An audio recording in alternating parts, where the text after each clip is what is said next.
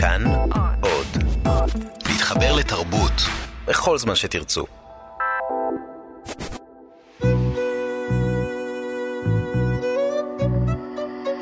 ליסה פרץ משוחחת. שלום לכם מאזיני כאן תרבות, באולפן ליסה פרץ, ואני משוחחת עם אנשי ונשות תרבות על חייהם ועל היצירה. עורכת התוכנית ענת שרון בלייס, והיום האורח שלי הוא האמן רועי רוזין. שלום רועי. היי. מה שלומך? בסדר גמור. חזרת אה, אה, לא מזמן מפריז, מתערוכה גדולה, נכון? בפומפידו. כן. מה הצגת בפומפידו? אה, זו תערוכה שנקרא סיפורים בחושך, אה, והיא כללה שלושה סוגים שונים של אה, אפלה. היה שם את הלילה של ולדימיר, שזה פרויקט אומנות שבו ולדימיר פוטין מותקף ובסופו של דבר נרצח בידי חפצים ונפשים, אז זה סיפור לילי אחד. היה שם את הסוחר העיוור, שזה ספר אומן מוקדם שלי, שהוא בעצם סיפור מחדש של שיילוק, של הסוחר מוונציה של שייקספיר. ובגרסה שלי שיילוק הוא עיוור, אז זה סוג נוסף של uh, אפלה. והיה שם את הסרט האחרון שלי, ערוץ האבק, שהוא מעין סיפור אהבה משולש בין גבר, אישה ושואב אבק. Uh, של דייסון, אבק ראוי להתאהבות. מה זאת אומרת? כן. דייסון זה הצלע השלישית ביחסים, שלי לפחות. כן. אני מנהלת את הפוליומורה. כן, הליברטו דיבר גם על דייסון עצמו, שהוא... מעצב גאון מצד אחד, מצד שני די קוקו, אה, שונא זרים, ושהתבטא על, את יודעת, סטודנטים סינים שטומנים אה, תוכנות מעקב במחשבים שלנו, אנחנו המערבים. אז אה, מבתוך העולם הזה של פרוורסיה ביתית ושאיבת אבק, אה, זה מוליך גם למתקן הכלייה בחול, של חולות. אוקיי. אז, אה, אז אלה היו... כמה זמן היא הוצגה? תערוכה, מה, ארבעה חודשים, משהו כזה, כן. אוקיי.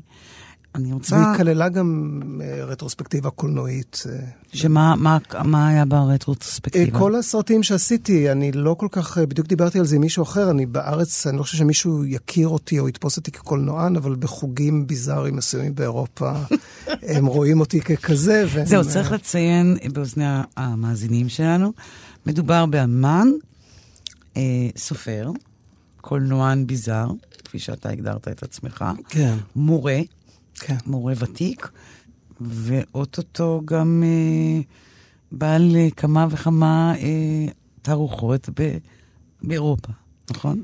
אה, כן. עם תכנים חדשים?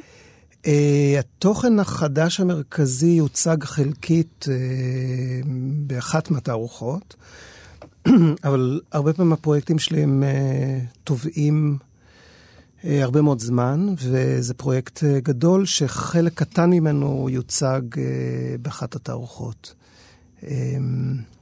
שאני אספר לך עליו? בטח, אני מחכה. אתה רואה את הציפייה? תתחיל. כן, אז זה, זה מבחינה מדיומלית זה בעצם יהיה סרט שאורכו כשעתיים. כלומר, סרט, זה לא בדיוק פיצ'ר, אבל מבחינת האורך זה פיצ'ר.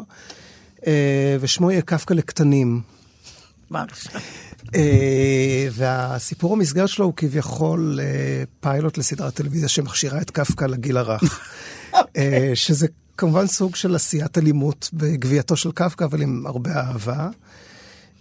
וכמו בחלק גדול מהפרויקטים האחרים שלי, אז בעצם הסרט עצמו עובר התגלגלות לכיוון שהוא יותר תעודי ויותר... על קפקא. פוליטי, קונקרטי, לא רק, לא על קפקא דווקא, אלא על המציאות שלנו הישראלית. דרך הצומת הזו של אה, ילדות מצד אחד ומושג החוק, שהוא מאוד מאוד כמובן מרכזי אצל קפקא, עולה סוגיה פוליטית וחוקית מאוד קונקרטית, שזה איך מגדיר אה, החוק הצבאי בשטחים הכבושים את מושג הילד. Mm-hmm. הטריגר היה המקרה הזה לפני משהו כמו שנתיים של ילדה שכונתה ד'. בת 12 וחצי שנתפסה עם סכין בכניסה להתנחלות, וגזר דינה היה ארבעה וחצי חודשי מאסר שהועברו בבית כלא לבגירות. אז השאלה היא שאלה מאוד, מאוד קונקרטית, אם, אם, אם זו בגירה, מה זה ילד? וזה הוליך אותי באמת לאיזה מין מחקר בכיוונים לא צפויים של אוגדני החוקים הצבאיים, של איזה סוג של think tank כזה שעשיתי עם משפטנים ואקטיביסטים. אבל זה יתרגם בסופו של דבר למשפטנית בדויה. אז okay. אוקיי. אותה שחקנית שתשחק את הילדה שלה מקריאים את הגלגול של קפקא, היא גם תשחק את המשפטנית שמרצה okay. אוקיי. על... היא בגירה מספיק. היא בגירה מספיק, זאת אה, חני פירסטנברג, אה, אז אוקיי. כן, שהיא באמת נפלאה. אמ, אם היית צריך להגדיר לאדם זר של- שלא מכיר אותך, כן. אתה היית אומר לו שאתה אמן, והיית אומר, היית צריך להגדיר לו איזה סוג אומנות אתה עושה, או מה התוכן, או התכנים שבהם אתה מתעסק. לא הפרקטיקה, לא הטכניקה, כמובן, אלא התוכן עצמו. לי יש, לי יש בראש אה, אה, הגדרה מאוד קצרה, אה, סיוט. סיוט. סיוט. החיים החיצוניים לך, והחיים שהם בתוך, בתוכך, הם סיוט. וזה סיוט מצחיק, זה סיוט גרוטסקי, זה סיוט אה, כמעט ריאליסטי, זה סיוט אה, שלובש אה, צורות אלסטיות. אבל אם אני ככה מגדירה אותך, כמו שאני באה לראות את הארוחה שלך, אז אני מקבלת עוד נדבך של הסיוט שלך. זה נכון? זו הגדרה שאתה מסכים איתה? אה, תראי, זה, זה נכון ומפתיע דיו כדי שאני ארצה ממש לגמור את התוכנית עכשיו, להגיד, אוקיי, ביי, קיבלתי את הערך המוסף שלי מהשיחה הזאת, ו... אה, לא- לא הייתי מגדיר את זה ככה, אבל אני חושב שאת אה, צודקת במידה רבה. אני, כשאת מדברת, אני נזכר שבאחד הסרטים שלי מופיע מוזיקאי בשם איגור קרוטוגולו, והוא מנגן סולו במסור. ודגנית ברסט, שהיא אומנית חזותית, אמרה לי פעם שזה נראה לה מטאפורה טובה לאומנות שלי, משהו מאוד מאוד מתוק, אה, אבל שהוא בעצם אה, אבל- בוקע ממסור, בוקע משהו ממסור. מאוד כואב. אוקיי. אה, אז... איך היית מגדיר לאדם זר? לא את ההגדרה שלי, נגיד. מה היית, מה התוכן שלך? תראי, אני, אני חושב שיש שם איזושהי תחושה חזקה שאני מסתובב איתה בעולם של... אה, לא הייתי קורא לזה אולי סיוט, הייתי קורא לזה עווית. כלומר שהדברים הם לא סטטיים.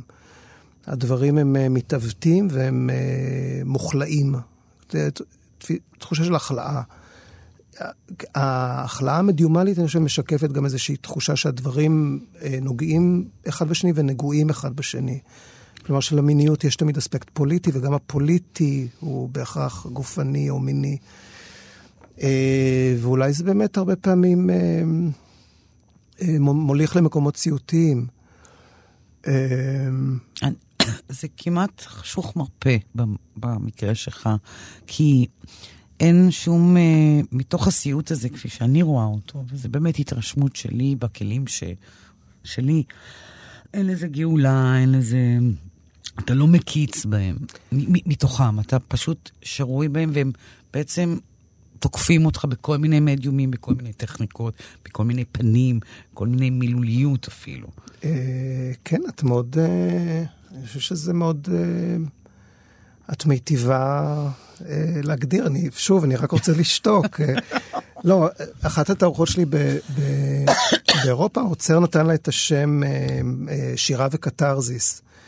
ובאמת, לא הערתי לו, אבל אני חושב אה, במובן הזה בדומה לך, שאין קתרזיס בעבודות שלי, שהן תמיד אה, איכשהו כאילו אמורות להוליך לשם, אבל אין את המפלט הזה לאיזה פורקן אה, גדול שאחריו יש איזה רווחה או הרגות. לא, אתה כלוא בזה, ככה אני מרגישה, איזה כליאה כזאת בתוך אה, חדר לא מראות, חדר סיוטים.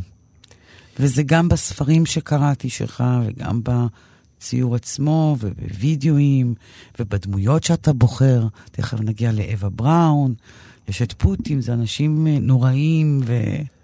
אה, כן, יש, אני חושב- באמת, אה, תוך שאנחנו מדברים, שיש איזשהו מימד של אה, ענישה עצמית. אה, מה זאת אומרת? אה, אני חושב שלעסוק במישהו כמו פוטין זה, זה עונש, וזה עונש גם בגלל שהפרויקטים הם מורכבים ותובעניים, והם בדרך כלל קשורים בהרבה עמל, אז זה לשהות עם פוטין תקופת זמן ארוכה. כלומר, באמת לא להיות מסוגל, אה, או ויתור מראש על הפריבילגיה של לעזוב אותו. אתה אוהב אותו תוך כדי שאתה איתו? במקרה של פוטין לא הצלחתי לגייס אפילו שביב של אה, רגש חיובי, אני חייב לומר, אבל כמו בהרבה פרויקטים אחרים שיש בהם אה, רבדים של בדיה שנוגעת בממשות, היו שם דמויות בדויות אחרות שיכולתי יותר אה, להתחבר אליהן. אני גם חושב שהנחמה מגיעה מהומור, כלומר מאיזושהי תחושה של משחקיות ושל צחוק ושל יופי. כלומר, שני. כל הרבדים האלה הם תמיד נוכחים שם בתוך הסיוט, עם הסיוט. אה, וזה מה ש... וזה תוכן שליווה אותך מתחילת הדרך שלך, אתה חושב? התכנים האלה? הנגועים, ה... הלא נגועים האלה? אה, שוב, אני לא...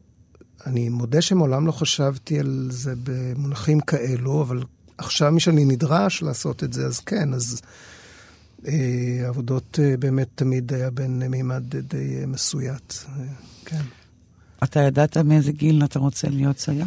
אה, במקרה שלי מגיל מאוד צעיר. גם מאיזה גיל? כתיבה וגם ציור. אני התחלתי לכתוב ולקרוא כשהייתי בן שלוש וחצי, משהו כזה. וכתבתי אומן עוד לפני הבית ספר, וגם הציור הגיע מאוד מוקדם. באיזה גיל? חמש, שש, אני זוכר ציורים שעשיתי. הם לא בעצם מדובר ב... זה אפילו לא קרובות משפחה ציור בכתיבה, בשום צורה. בשבילי זה תמיד היה, ההפרדה תמיד נראתה לי מלאכותית. מאוד אהבתי קומיקס כשהייתי אה, ילד.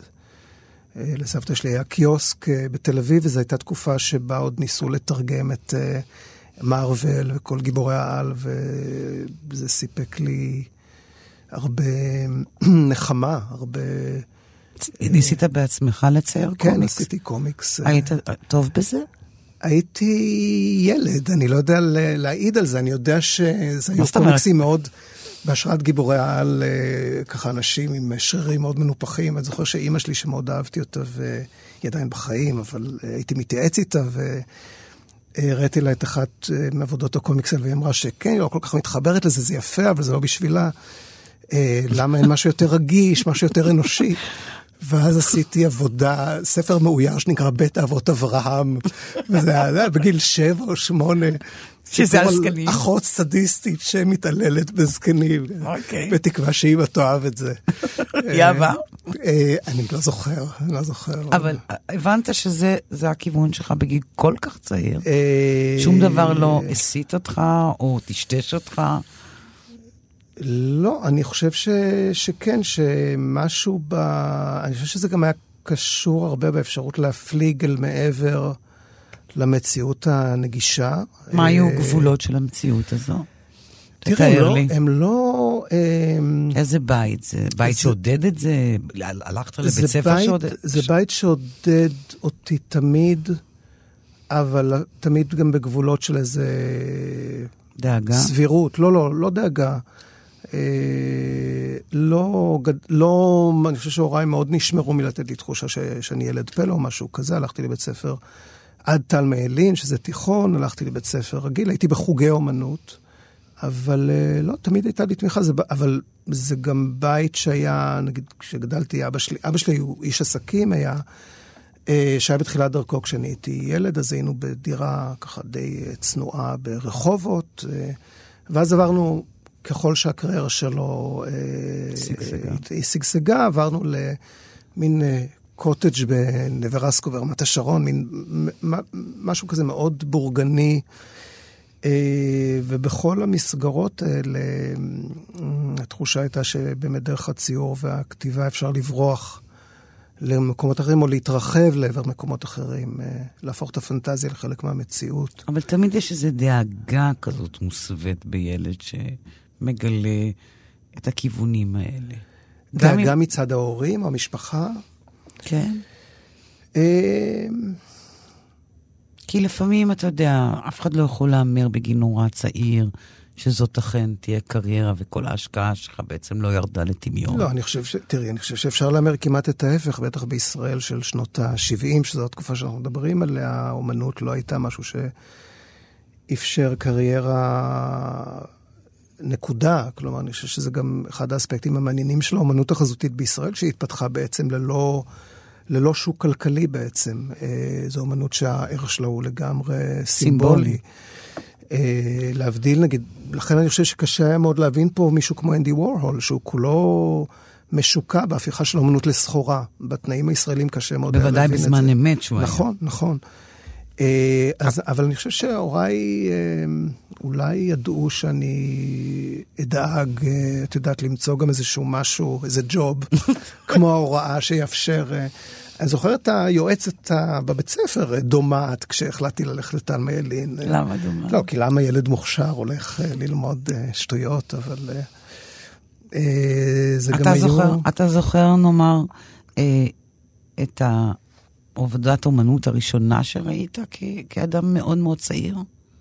לאו דווקא שהשפיע עליך, אבל העבודה שעמדת מחוץ לעצמך, מחוץ לקומיקס או לציורים שציירת, אלא משהו שהוא חיצוני לך. תראי, אני זוכר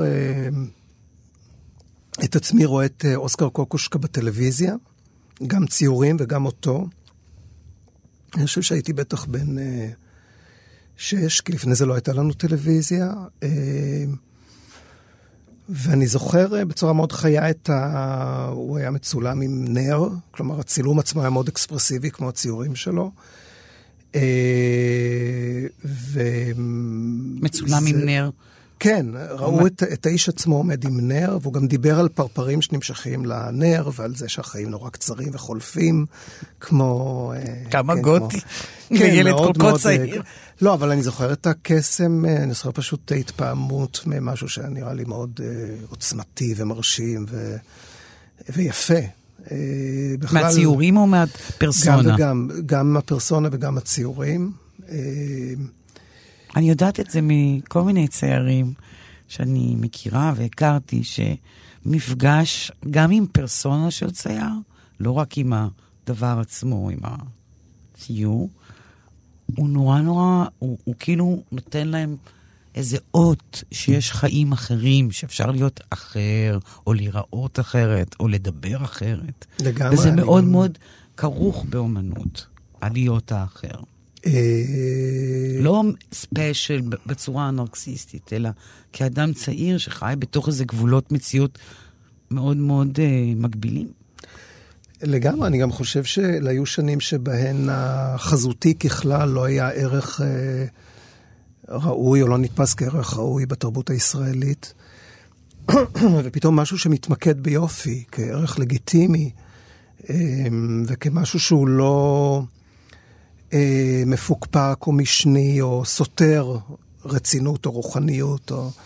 זה היה מאוד מאוד אה, חזק, כן. בטלמה ילין אתה מגיע ל... למגמת האומנות. אה, כן, ולימי אה, טרום תהילה, כלומר, טלמלין עדיין היה אוסף אה, באמת של אנשים ביזאריים. באיזה מובן הם ביזאריים? זה היה נתפס עדיין כדבר משונה להגיע לבית ספר לאומנות, אני חושב שזה מאוד השתנה. כשאני הגעתי לתלמלין היו רק שתי כיתות בכל מחזור. כלומר, אנשי התיאטרון והאומנות והמוזיקה די היו מעורבבים אלו באלו. אמ, כן, וזה היה מפגש אה, מהרגע הראשון ממש אה, מאוד אה, משחרר ומרחיב בכל המובנים. אוקיי. אמ, אתה התבלטת שם באיזושהי צורה? אני חושב שכן. באיזה מובן? אני חושב שהייתי נון קונפורמיסט, אני ועוד קבוצה, אני חושב ש... אני זוכר שהמנהל, מר נתן, הביע תמיהה ששרדתי את הבית ספר. נדמה לי שהוא אמר משהו על חתולים שנופלים על הרגליים עם כל... אה, אה לא, כי חלק מאיתנו לא שרדו, תלמידי תיכון. אה, בני 16 כתבו איזה יום, ריססו את הכתובת מוות למתנחבלים על המדרכה ליד הבית ספר, כלומר, אה, וזה עורר אה, סקנדל, זה, דיברו על זה ברדיו. אז התחושה הייתה באמת בקרב קבוצה של סטודנטים של תסיסה מאוד מאוד חזקה ושל אפשרויות אחרות. לצד הפן הפוליטי הייתה לנו מורה שמאוד אה, ככה אתגרה אותנו, הציגה לנו את דושן, כל מיני דברים מאוד מאוד מורכבים בגיל מאוד צעיר. וזה גם היו הימים של ה glam rock, כאילו של דיוויד בואי, אז את יודעת, זה להגיע לבית ספר עם לק וטייץ. אוקיי. כן. ב eighties. eighties או seventies? כן, זה סוף ה seventies, תחילת ה eighties, אוקיי. כן. אני שואלת את עצמי אם תלמיד שעובר את מסלול טלמה ילין, ומיד אחרי זה הולך לבצלאל, למדרשה, לכל בית ספר לאומנות אחר. יש בזה משהו כמעט אה, כמו פס ייצור, לא? אה, הוא כבר מגיע, כבר שהוא יודע כמעט את הכל. תראי, זה לא המסלול שאני עברתי. אה, מה זאת אני אומרת? קודם כל הלכתי לצבא, ואחרי הצבא הלכתי ללמוד אה, ספרות ופילוסופיה. כלומר, הגעת אה, ללימודי האומנות שלך באיזה גיל? הגעתי ללימודי האומנות בגיל 23, וזה לא היה בארץ. אה, היה איזשהו, עשיתי juggling act בין אה, לעבוד בתור מלצר ולהמשיך לעשות אומנות וללמוד באוניברסיטה. והגעתי באיזשהו שלב למסקנה שזה יותר מדי, וגם שאני חושב שמשהו מהמגלומניה שלי, כי הרגשתי שאני לא צריך ללכת ללמוד אומנות, שאני כבר אמן. נו, זה בגלל שהבית ספר אה, נתן לך את התחושה הזאת. זאת אני אולי לא הבעיה, לא? לא, לא, לא, אני לא חושב. אני חושב שאת צודקת שיש איזשהו מסלול שהוא מסלול נו, הפס אה, מאוד ייצור. רווח. אני לא הייתי קורא לזה פס ייצור, כי אני חושב שאנשים מאוד שונים, וגם המוסדות הם שונים זה מזה. אבל במקרה אבל שלי זה זה לא... הפרוסס עצמו. כלומר, אתה על איזה מין... לא אתה, אוקיי? אבל גם יותר מעניין אותי ההשקפה שלך כ- כמורה. כלומר, אתה עושה את השנות לימוד שלך בתא מיילין, מסיים את הצבא, ואז עוד שלוש-ארבע שנים בלימודי אומנות. במצטבר למדת עשר, אוקיי? כבר כשהגעת ל- לאוניברסיטה, אתה כבר כמעט אפוי, כמעט. תראי, אני, אני לא רואה את זה ככה. כלומר, אני חושב שאנחנו, אולי גם בגלל מי שאני, אני מאוד, אה, מאוד לא מאמין שאדם הוא כמו עוגה במובן הזה. כלומר, זה לא אפוי וזהו, המוצר מוכן והוא מוגש לשולחן, אלא זה משהו שהוא אלסטי והוא פרפורמטיבי, והוא, קראתי לזה יכול- קודם, אביתי, הוא משתנה. יש לו לפחות את פוטנציאל ההשתנות. אני זוכר שיחה שמאוד קוממה אותי עם רפי לביא. אה, שהזמין אותי לבוא ללמד במדרשה אחרי שחייתי הרבה שנים בניו יורק ולא חשבתי שאני אחזור לארץ וחזרתי ככה בשלבים וזה התחיל דרך ללמד סמסטר בשנה במדרשה והוא אמר לי, "אה, אתה יודע, אנחנו שנינו עדיין עושים אומנות וזה טוב ויפה, אבל אני יודע שאני אומן של שנות ה-60 ואתה יודע שאתה אומן של שנות ה-90. ואני איזה לא... קטלוג, איזה כן, אני לא מסגור, התווכחתי איתו, אבל. אני יודע שרפי, טוב, רפי היה מאוד פסקני. לא, אבל זה גם, עזוב מעבר לפסקני, זה מאוד מאוד, הוא כאילו שם לך גבול ואתה לא יכול לצאת או להיכנס אה, ממנו. כן, אבל גם את כרגע שמת גבול לכל מי שעבר את פס הייצור של... אה, אני מדברת על נקודת מבט אה, לא, לא כאמנית, לא כמורה, לא, ודאי, אבל אני מנסה לדמיין את עצמי סטודנטית. המכנה המשותף בין, נגיד, מה שאת אומרת לבין מה שרפי אמר, זה באמת איזושהי תחושה של גורל ידוע מראש, או מוצר ידוע מראש, או משהו שניתן להגדיר אותו ולמסגר אותו, וזהו, הוא סטטי, והוא, זה הדבר.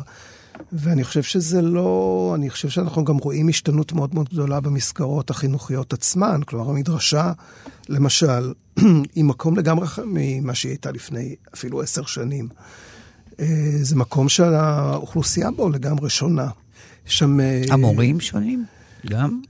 אני לא יודע... תוכן אני, ההוראה? מה שאני חושב, תוכן ההוראה משתנה כל הזמן, ואני חושב שהוא גם משתנה בהכרח בהתאם ל, לגוף הסטודנטים, שמאוד משתנה, ולמשל בשנים האחרונות יש בו אחוז הרבה יותר גבוה של נשים מוסלמיות, אה, שמראש מגיעות בגלל הלגיטימיות של מקצוע ההוראה, שמביא אותן לשם, אבל אה, מתפתחות להיות אה, יוצרות מאוד מאוד מרתקות.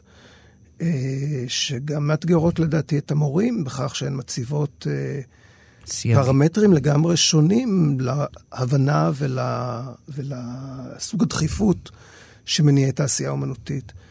כלומר, במובן הזה אני חושב שיש משהו מאוד אה, רוטט ולא יציב אה, במסגרות החינוך, גם השינויים הפוליטיים והתרבותיים, ה- המקום המאוים בדרגה יותר ויותר של מדעי הרוח ושל האומנות, אה, יש לו הרבה אספקטים שליליים, אבל גם אולי אספקטים חיוביים. מבחינת ה, באמת הצורך שהוא מעור- מער- מעורר להרהר ולהגדיר את הדברים מחדש, באופן אקטיבי, באופן פעיל. כמה שנים, אגב, חיית בחו"ל? 12. וזה שנים שלמדת בהם גם אומנות, נכון? כן, אני עזבתי את הארץ אה, ועשיתי תואר ראשון ושני באומנות. אה, התחתנתי, אה, הייתה לי אישה קתולית, לא חשבתי ש... ואז התגרשנו והייתה לי חברה מוסלמית, אז בכלל זה היה נראה שאין בלתי סיכוי אפשרי, כן, לחזור שתבוא לארץ. וזהו. ו... זה, זה, איזה מין חיים ניהלת בחו"ל? של איזה, מה, מה, מה, עשית כל כך הרבה שנים שם? תראי, עבדתי בעבודות אה, מזדמנות, אפשר לומר, מהריגה דרך אה, מכירת חולצות בשוק ועד הוראה וכתיבה, כתבתי הרבה.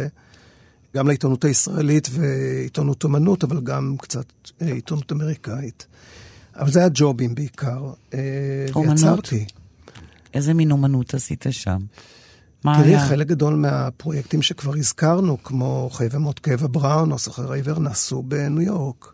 כך שעשיתי בעצם אותם uh, יצירי כלאיים אומנותיים שדיברנו עליהם כבר קודם, של uh, דברים שהם משלבים טקסט וציור. ובדרך כלל יש להם איזה סיפור מסגרת שהוא גם פוליטי וגם מסויט והוא גם אירוטי. כל הדברים האלה קרו כבר, אה, כבר, כבר שם. שם, כן.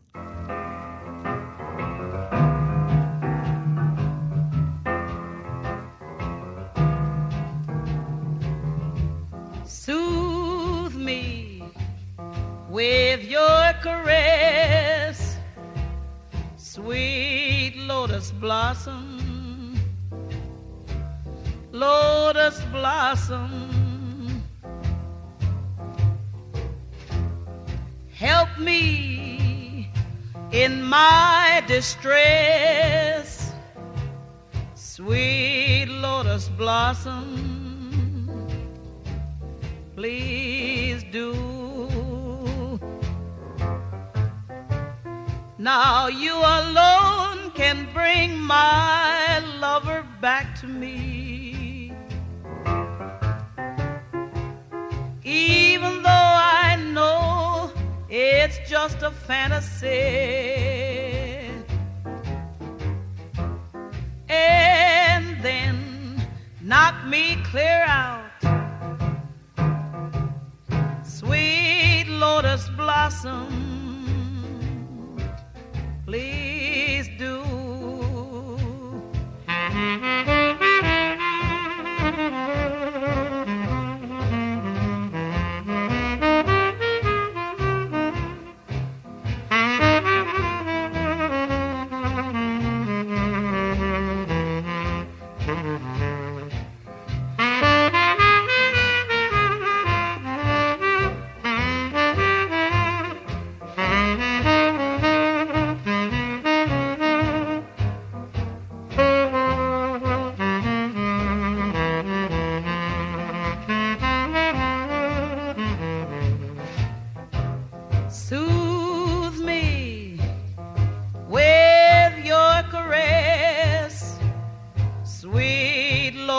blossom, lotus blossom. Help me in my distress, sweet lotus blossom. Please do. Now you are alone my lover back to me. Even though I know it's just a fantasy. And then knock me clear out. Sweet lotus blossom, please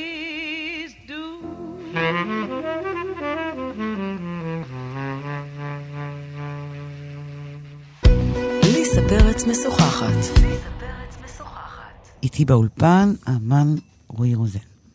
מי האנשים שהשפיעו, שגרמו, עזרו לך להתעצב כ, כאמן, ככותב?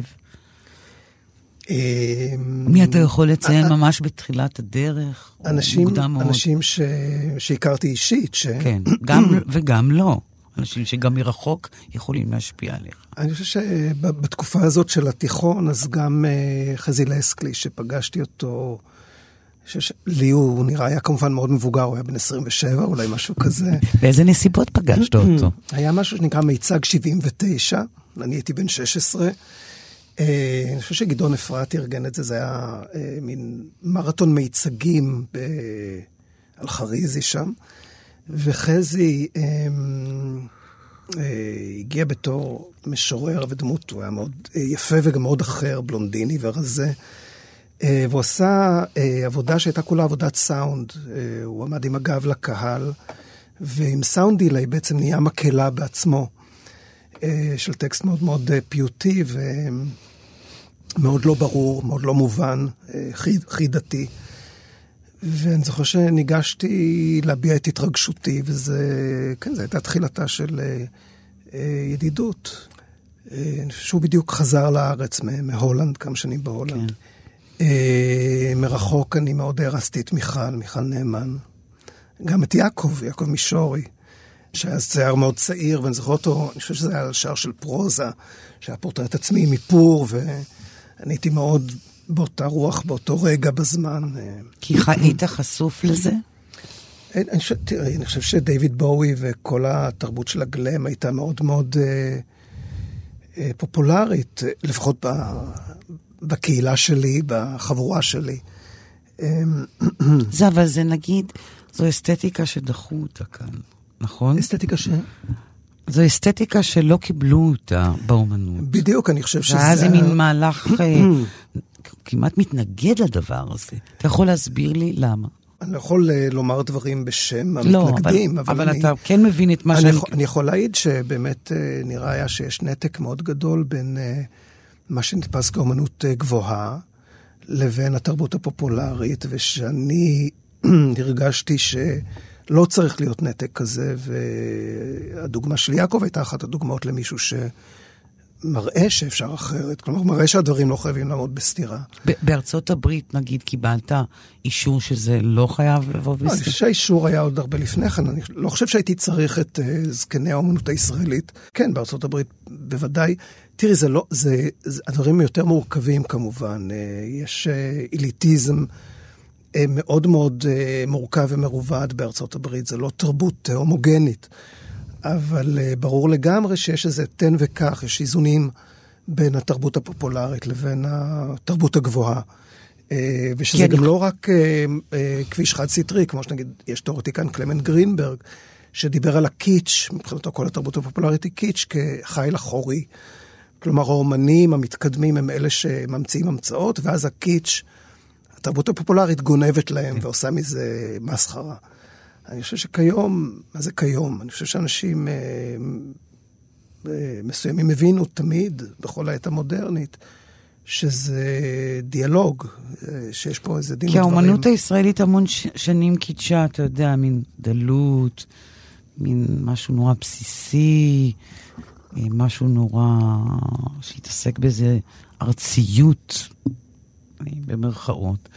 והגישה הזו שאתה נחשפת אליה אולי צעיר יותר דרך מדיומים אחרים, מוזיקה למשל, או דברים שנחשפת אליהם בארצות הברית, כאן בישראל בעצם נחשבו למגונים כמעט. והדלות הזאת, אה, היא, לא יודעת, היא מדי פעם אה, מופרת, אבל היא, היא לא רק תמה, היא כמעט תודעה של אומנות ישראלית. לא, אני לא הייתי מגדיר את זה ככה, אני חושב שזה טיפה יותר... אה... מורכב, וזה נוגע אולי במשהו שאמרתי בחטף בתחילת השיחה שלנו, אה, וזה שבאמת האומנות פה התפתחה ללא שוק. אה, ואני חושב שיש לזה סיבות עומק. כלומר, אני חושב שיש משהו בתרבות הישראלי שיותר קידש את הטקסטואלי, ושהאומנות התפתחה כמשהו שהוא מבודד, אה, לא רק מבפנים, אלא גם מבחוץ, כן? שהוא לא נחוץ, שהוא מפוקפק, שהוא חשוד. אה, ולטוב ולרע התפתח משהו שהוא באמת אה, משקף איזה הרמטיות, איזה... אדם ברוך בזמנו קרא לזה אירוע פנים גולגולתי. והוא אמר את זה בביקורת, אני לא בטוח, אבל אני חושב שתיאורית זה, זה, זה תיאור שיש בו מידה של אמת. אבל אני לא חושב שזה האומנות אה, בעצמה הביאה לזה, אני חושב שזה גם, ב, יש מימד דיאלוגי, יש מימד תגובתי. לאופן ההתעצבות הזה של האומנות הישראלית. אה, ובאומנות עצמה, אם מסתכלים על תכנים, מסתכלים על, אפילו על אנשים כמו רפי לביא או מיכל, נאמן, אז התרבות הפופולרית תמיד נוכחת שם. אה, סטיבן קינג, אה, בית קברות לחיות, אצל אצל רפי המוקדם יש אפילו קומיקס. אני זוכר את רפי מדבר בשבחו של דודו גבע, כלומר, היכולת לנהל איזה דיאלוג עם התרבות הפופולרית היה, אבל האומנות, באמת, המקום שלה היה מקום כזה קצת אה, מסוגר בתוך עצמו. מה אתה מלמד? מה, אתה מורה לאומנות, נכון? מה הספציפיקציה שלך? אה, אני מלמד גם קורסים אה, עיוניים וגם קורסים אה, מעשיים. מעשיים, את יודעת, זה כל מי שאנשים עושים, עוסקים באיזה מדיום שהם רוצים, ואנחנו מדברים. אה, והקורסים העיוניים שלי, חלקם קבועים, חלקם יותר דידקטיים, וחלקם הנושאים משתנים. בהתאם, כלומר, תן לי תכנים. אה, היה לי קורס שנקרא פוליטו-פורן. אה, שמה זה? שמדבר על הפן הפוליטי של פורנוגרפיה, על אופן שהיא תמיד הייתה פוליטית. ועבודת הסיום שהסטודנטים נדרשו לעשות הייתה עבודה שתהיה גם אומנותית, גם פוליטית וגם פורנוגרפית. יש לי קורס על צחוק, על הומור. היה לי קורס שנקרא מה אם, שעוסק בספקולציות ובכל פעם משהו אחר. זה, זה תכנים שאני מרגישה שהם נוב... כמעט נובעים מהאישיות הצי... האומנותית שלך. אה, כן, כן, אני לא חושב ש... אני חושב שזה הדבר הטבעי לעשות, לא ל... כן, לעסוק במה שאני יודע, מה שאני מכיר. אני אהיה כנה ואני אגיד לך שכל פעם שאני רואה אותך ברחוב, הדמות, הפרצוף שלך מתחלף לי עם הפרצוף של אווה בראון. שהייתה בלונדינית לה אף ישר, וכן. כלומר, אני, אתה הולך מולי ברחוב, זה, זה כאילו הפנים שלך מחוק, ככה מחוקות, והפרצוף שלך הוא של אווה בראון. ואתה כל כך כרוך אחד בשני, שכשמדברים על אווה בראון, אני רואה את רועי רוזן. וואלה. אתה ארוחה חיי אומות כאווה בראון, וממש כרכת את נפשך בנפשה. מה פשר ה... פסינציה ממנה? לא, הפסינציה היא כמובן לא ממנה, אלא מה... מה... מהאהב שלה.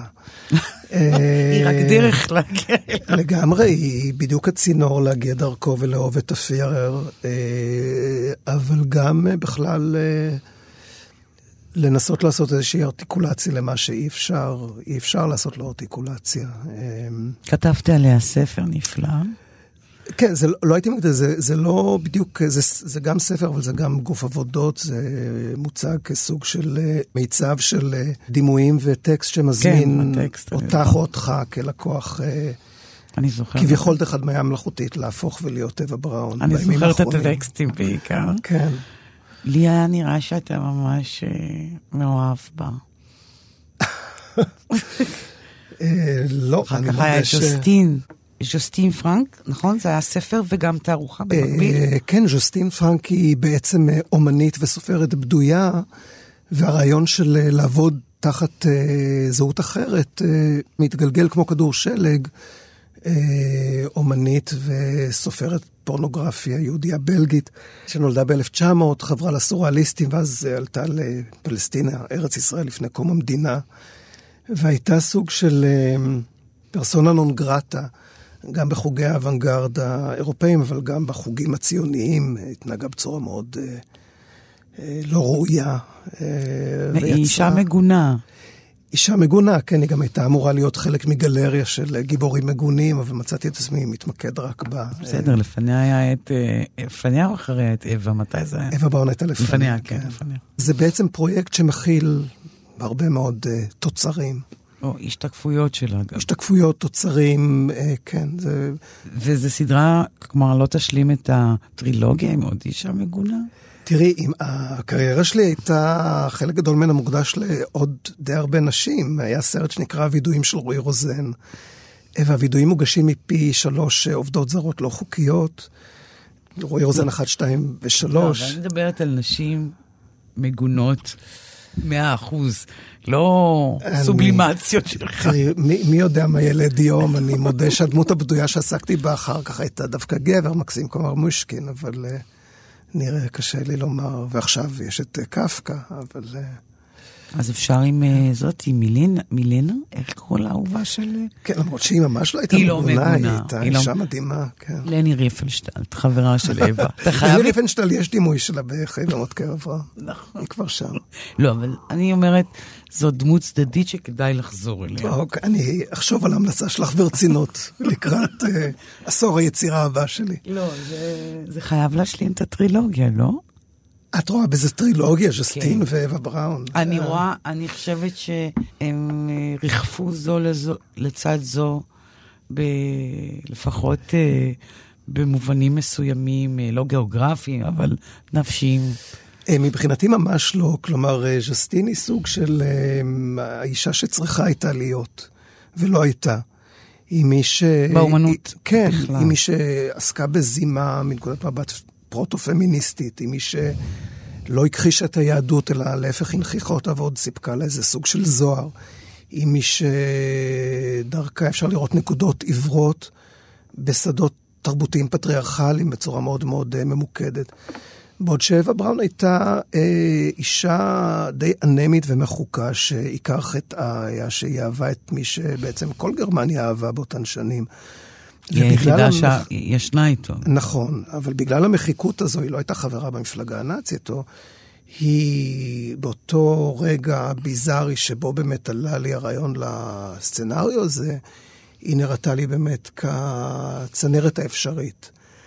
לנסות לחשוב על הרוע שבתוכנו ועל היכולת שלנו... היא נראתה לך רעה? מה היא נראתה? לא, לא, לא, היא לא נראתה לי רעה, אבל מה שנראה היה לא לי זה סתמים, שהנושא אבל. של זהות ושל הזדהות יכול להיבחן בצורה, נושא שאי אפשר איתו ואי אפשר בלעדיו, כן? אנחנו, אני חושב שהפרויקט של התרבות המודרנית בגדול מושתת על העניין הזה של להזדהות עם מישהו אחר. והיכולת שלנו להרחיב את, את הגבולות שלנו ולהזדהות עם אנשים, גם אם הם מאוד מוזרים או מאוד מפוקפקים. אה, ואני חושב שזה הפרויקט שאי אפשר איתו ואי אפשר בלעדיו, כשזה מגיע באמת למצבים קיצוניים של, של רוע, של עוולה. אה, מכאן אני חושב תחושת הדחיפות. אה, זה גם, זה גם ההסבר, נגיד, לעיסוק עכשיו בפוטין, נכון? זה הסבר חלקי, אה, זה הסבר חלקי, ההשתלשלות הייתה יותר מורכבת ופתלתלה, אבל מה עם דמויות ישראליות ממשיות? שאלה, שאלה טובה, יש את רועי רוזן, אבל הם כולם מגיעים לפה, כלומר גם ז'סטין פרנק הגיע לארץ וגם מקסים קומר משקין עשה עלייה, כלומר הם כולם אתה באיזשהו כופה מקום, עליהם איזו ציונות כזאת. הם שניהם היו אנטי-ציונים, כך אתה שאני לא כופה כופה עליהם... עליהם אה, לא, ציונות. זה מהעלייה לכאן. אבל אני חושב שזה נכון לגבי העלייה בכלל. אני חושב שהעלייה ברובה הייתה פחות אידיאולוגית מכפי שנדמה לנו, כפי שהציונות מנסה להציג לנו. אני חושב שאנשים עלו מסיבות פרגמטיות או בלית ברירה. אה, אנשים בחרו לעזוב, אה, כלומר הדמויות האלה, חלק מה שהן עושות זה אולי לערער על קדם הנחות שיש לנו לגבי מה זה אומר להיות כאן, אה, מה אנחנו, מה אנחנו לוקחים כמובן מאליו לגבי המצב הזה. גל העלייה העצום הזה שהגיע מ... מארצות ברית המועצות לשעבר, אנחנו נוטים לראות בו, לא יודע מה, ימניות וכל מיני דברים כאלה, אבל ברובו לא היה גל עלייה אידיאולוגי. הגיע, חלק, חלקים נרחבים ממנו אולי היו מעדיפים לעצור איפשהו באירופה או, ב, או להמשיך הלאה לארצות הברית. וזה חלק מהמורכבות ש, שננסה להביא דרך הדמות של מקסים קומר מישקין. נגענו ב, בנושא הזה ממש אה, בקטנה ולאורך השיחה, זה העיסוק בפורנו. תסביר לי אותו. אני זה גם לא- ראיתי את זה במו עיניי בעבודות שלך, וגם אתה מלמד את זה במדרשה, כן? כן. וגם ציינת, זה חדר לתוך השיחה שלנו ויצא. אה, כן, לא, לא הייתי אומר פורנו, הייתי אומר אה, תשוקה מינית או מיניות. אה, במובן הזה אני, את יודעת, אני חושב שאני מאוד אה, שמרן, אני כמו פרויד, אני רואה ליבידו בכל מקום, אני, אני חושב שהוא אה, נוכח בכל. אולי לאנשים מסוימים יותר מאשר לאחרים. אה. אבל באיזה אופן אתה מפרק אותו בתוך האומנות? כלומר, זה הדבר עצמו, זה סובלימציה, זה חלקים מזה, זה משחק עם זה, זה נגד זה, זה בעד זה. איזה מין דיאלוג אתה מקיים עם המושג הזה? אני חושב שקודם כל זה להראות באמת את מה שאמרתי קודם, את זה שזה נוכח בכל, שזה נוכח בפוליטי, שזה נוכח באסתטי, שזה נוכח גם, כש, גם כשמנסים לחמוק אה, ממנו. אני גם חושב שזה באמת חושב את המיניות ואת הייצוגים שלה כמקומות שיש בהם מימד אה, של ברור, של, של ברור של מה אמיתי ומה לא אמיתי.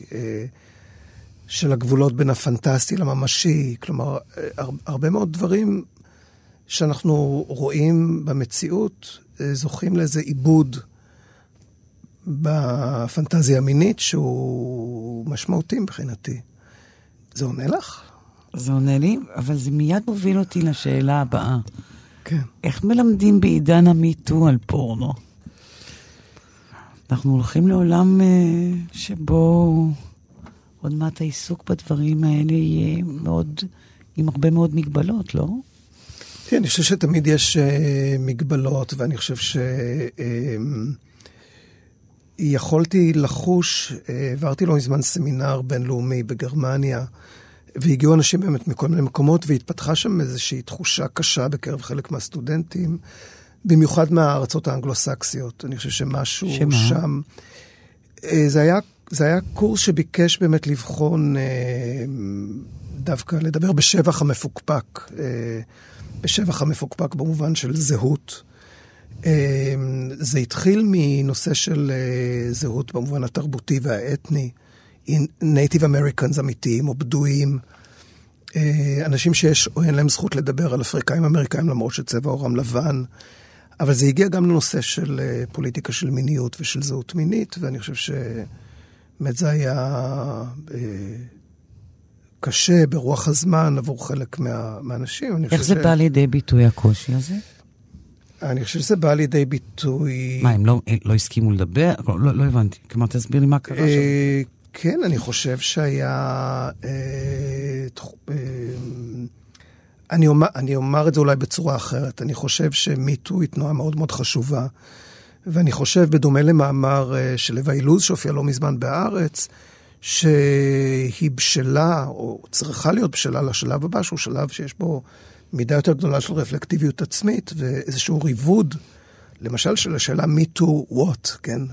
מה גם אני, האם אה, כל הדברים האלו, מהטרדה ברחוב ועד אונס, הם כולם מוכפפים לדבר אחד, שהוא הדבר שגם אני אה, מה מקומה של מחילה, אה, מה מקומו של הליך חוקי, מתי הוא נחוץ, מתי הוא לא נחוץ.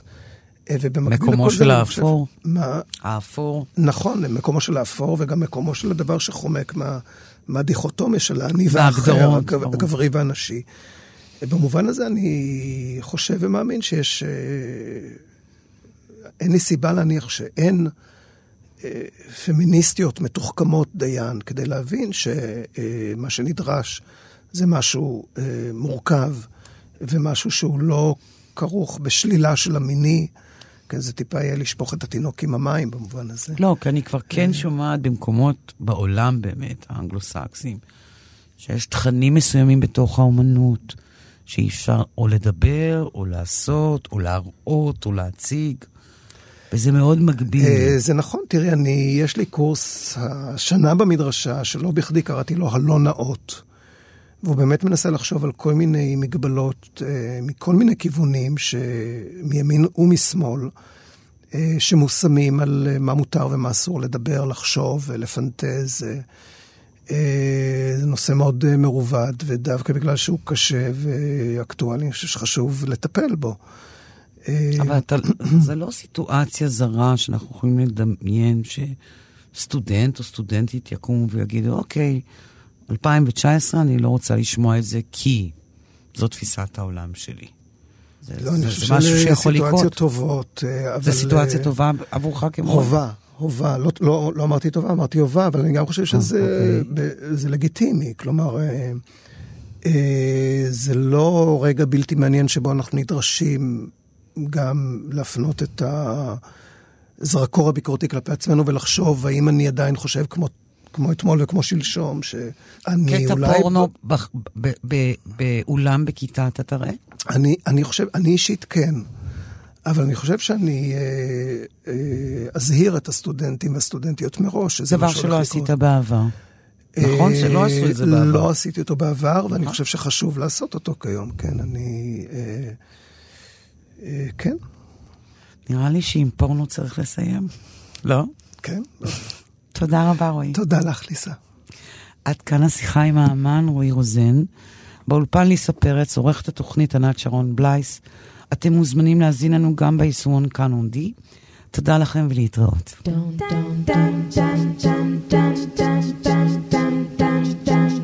She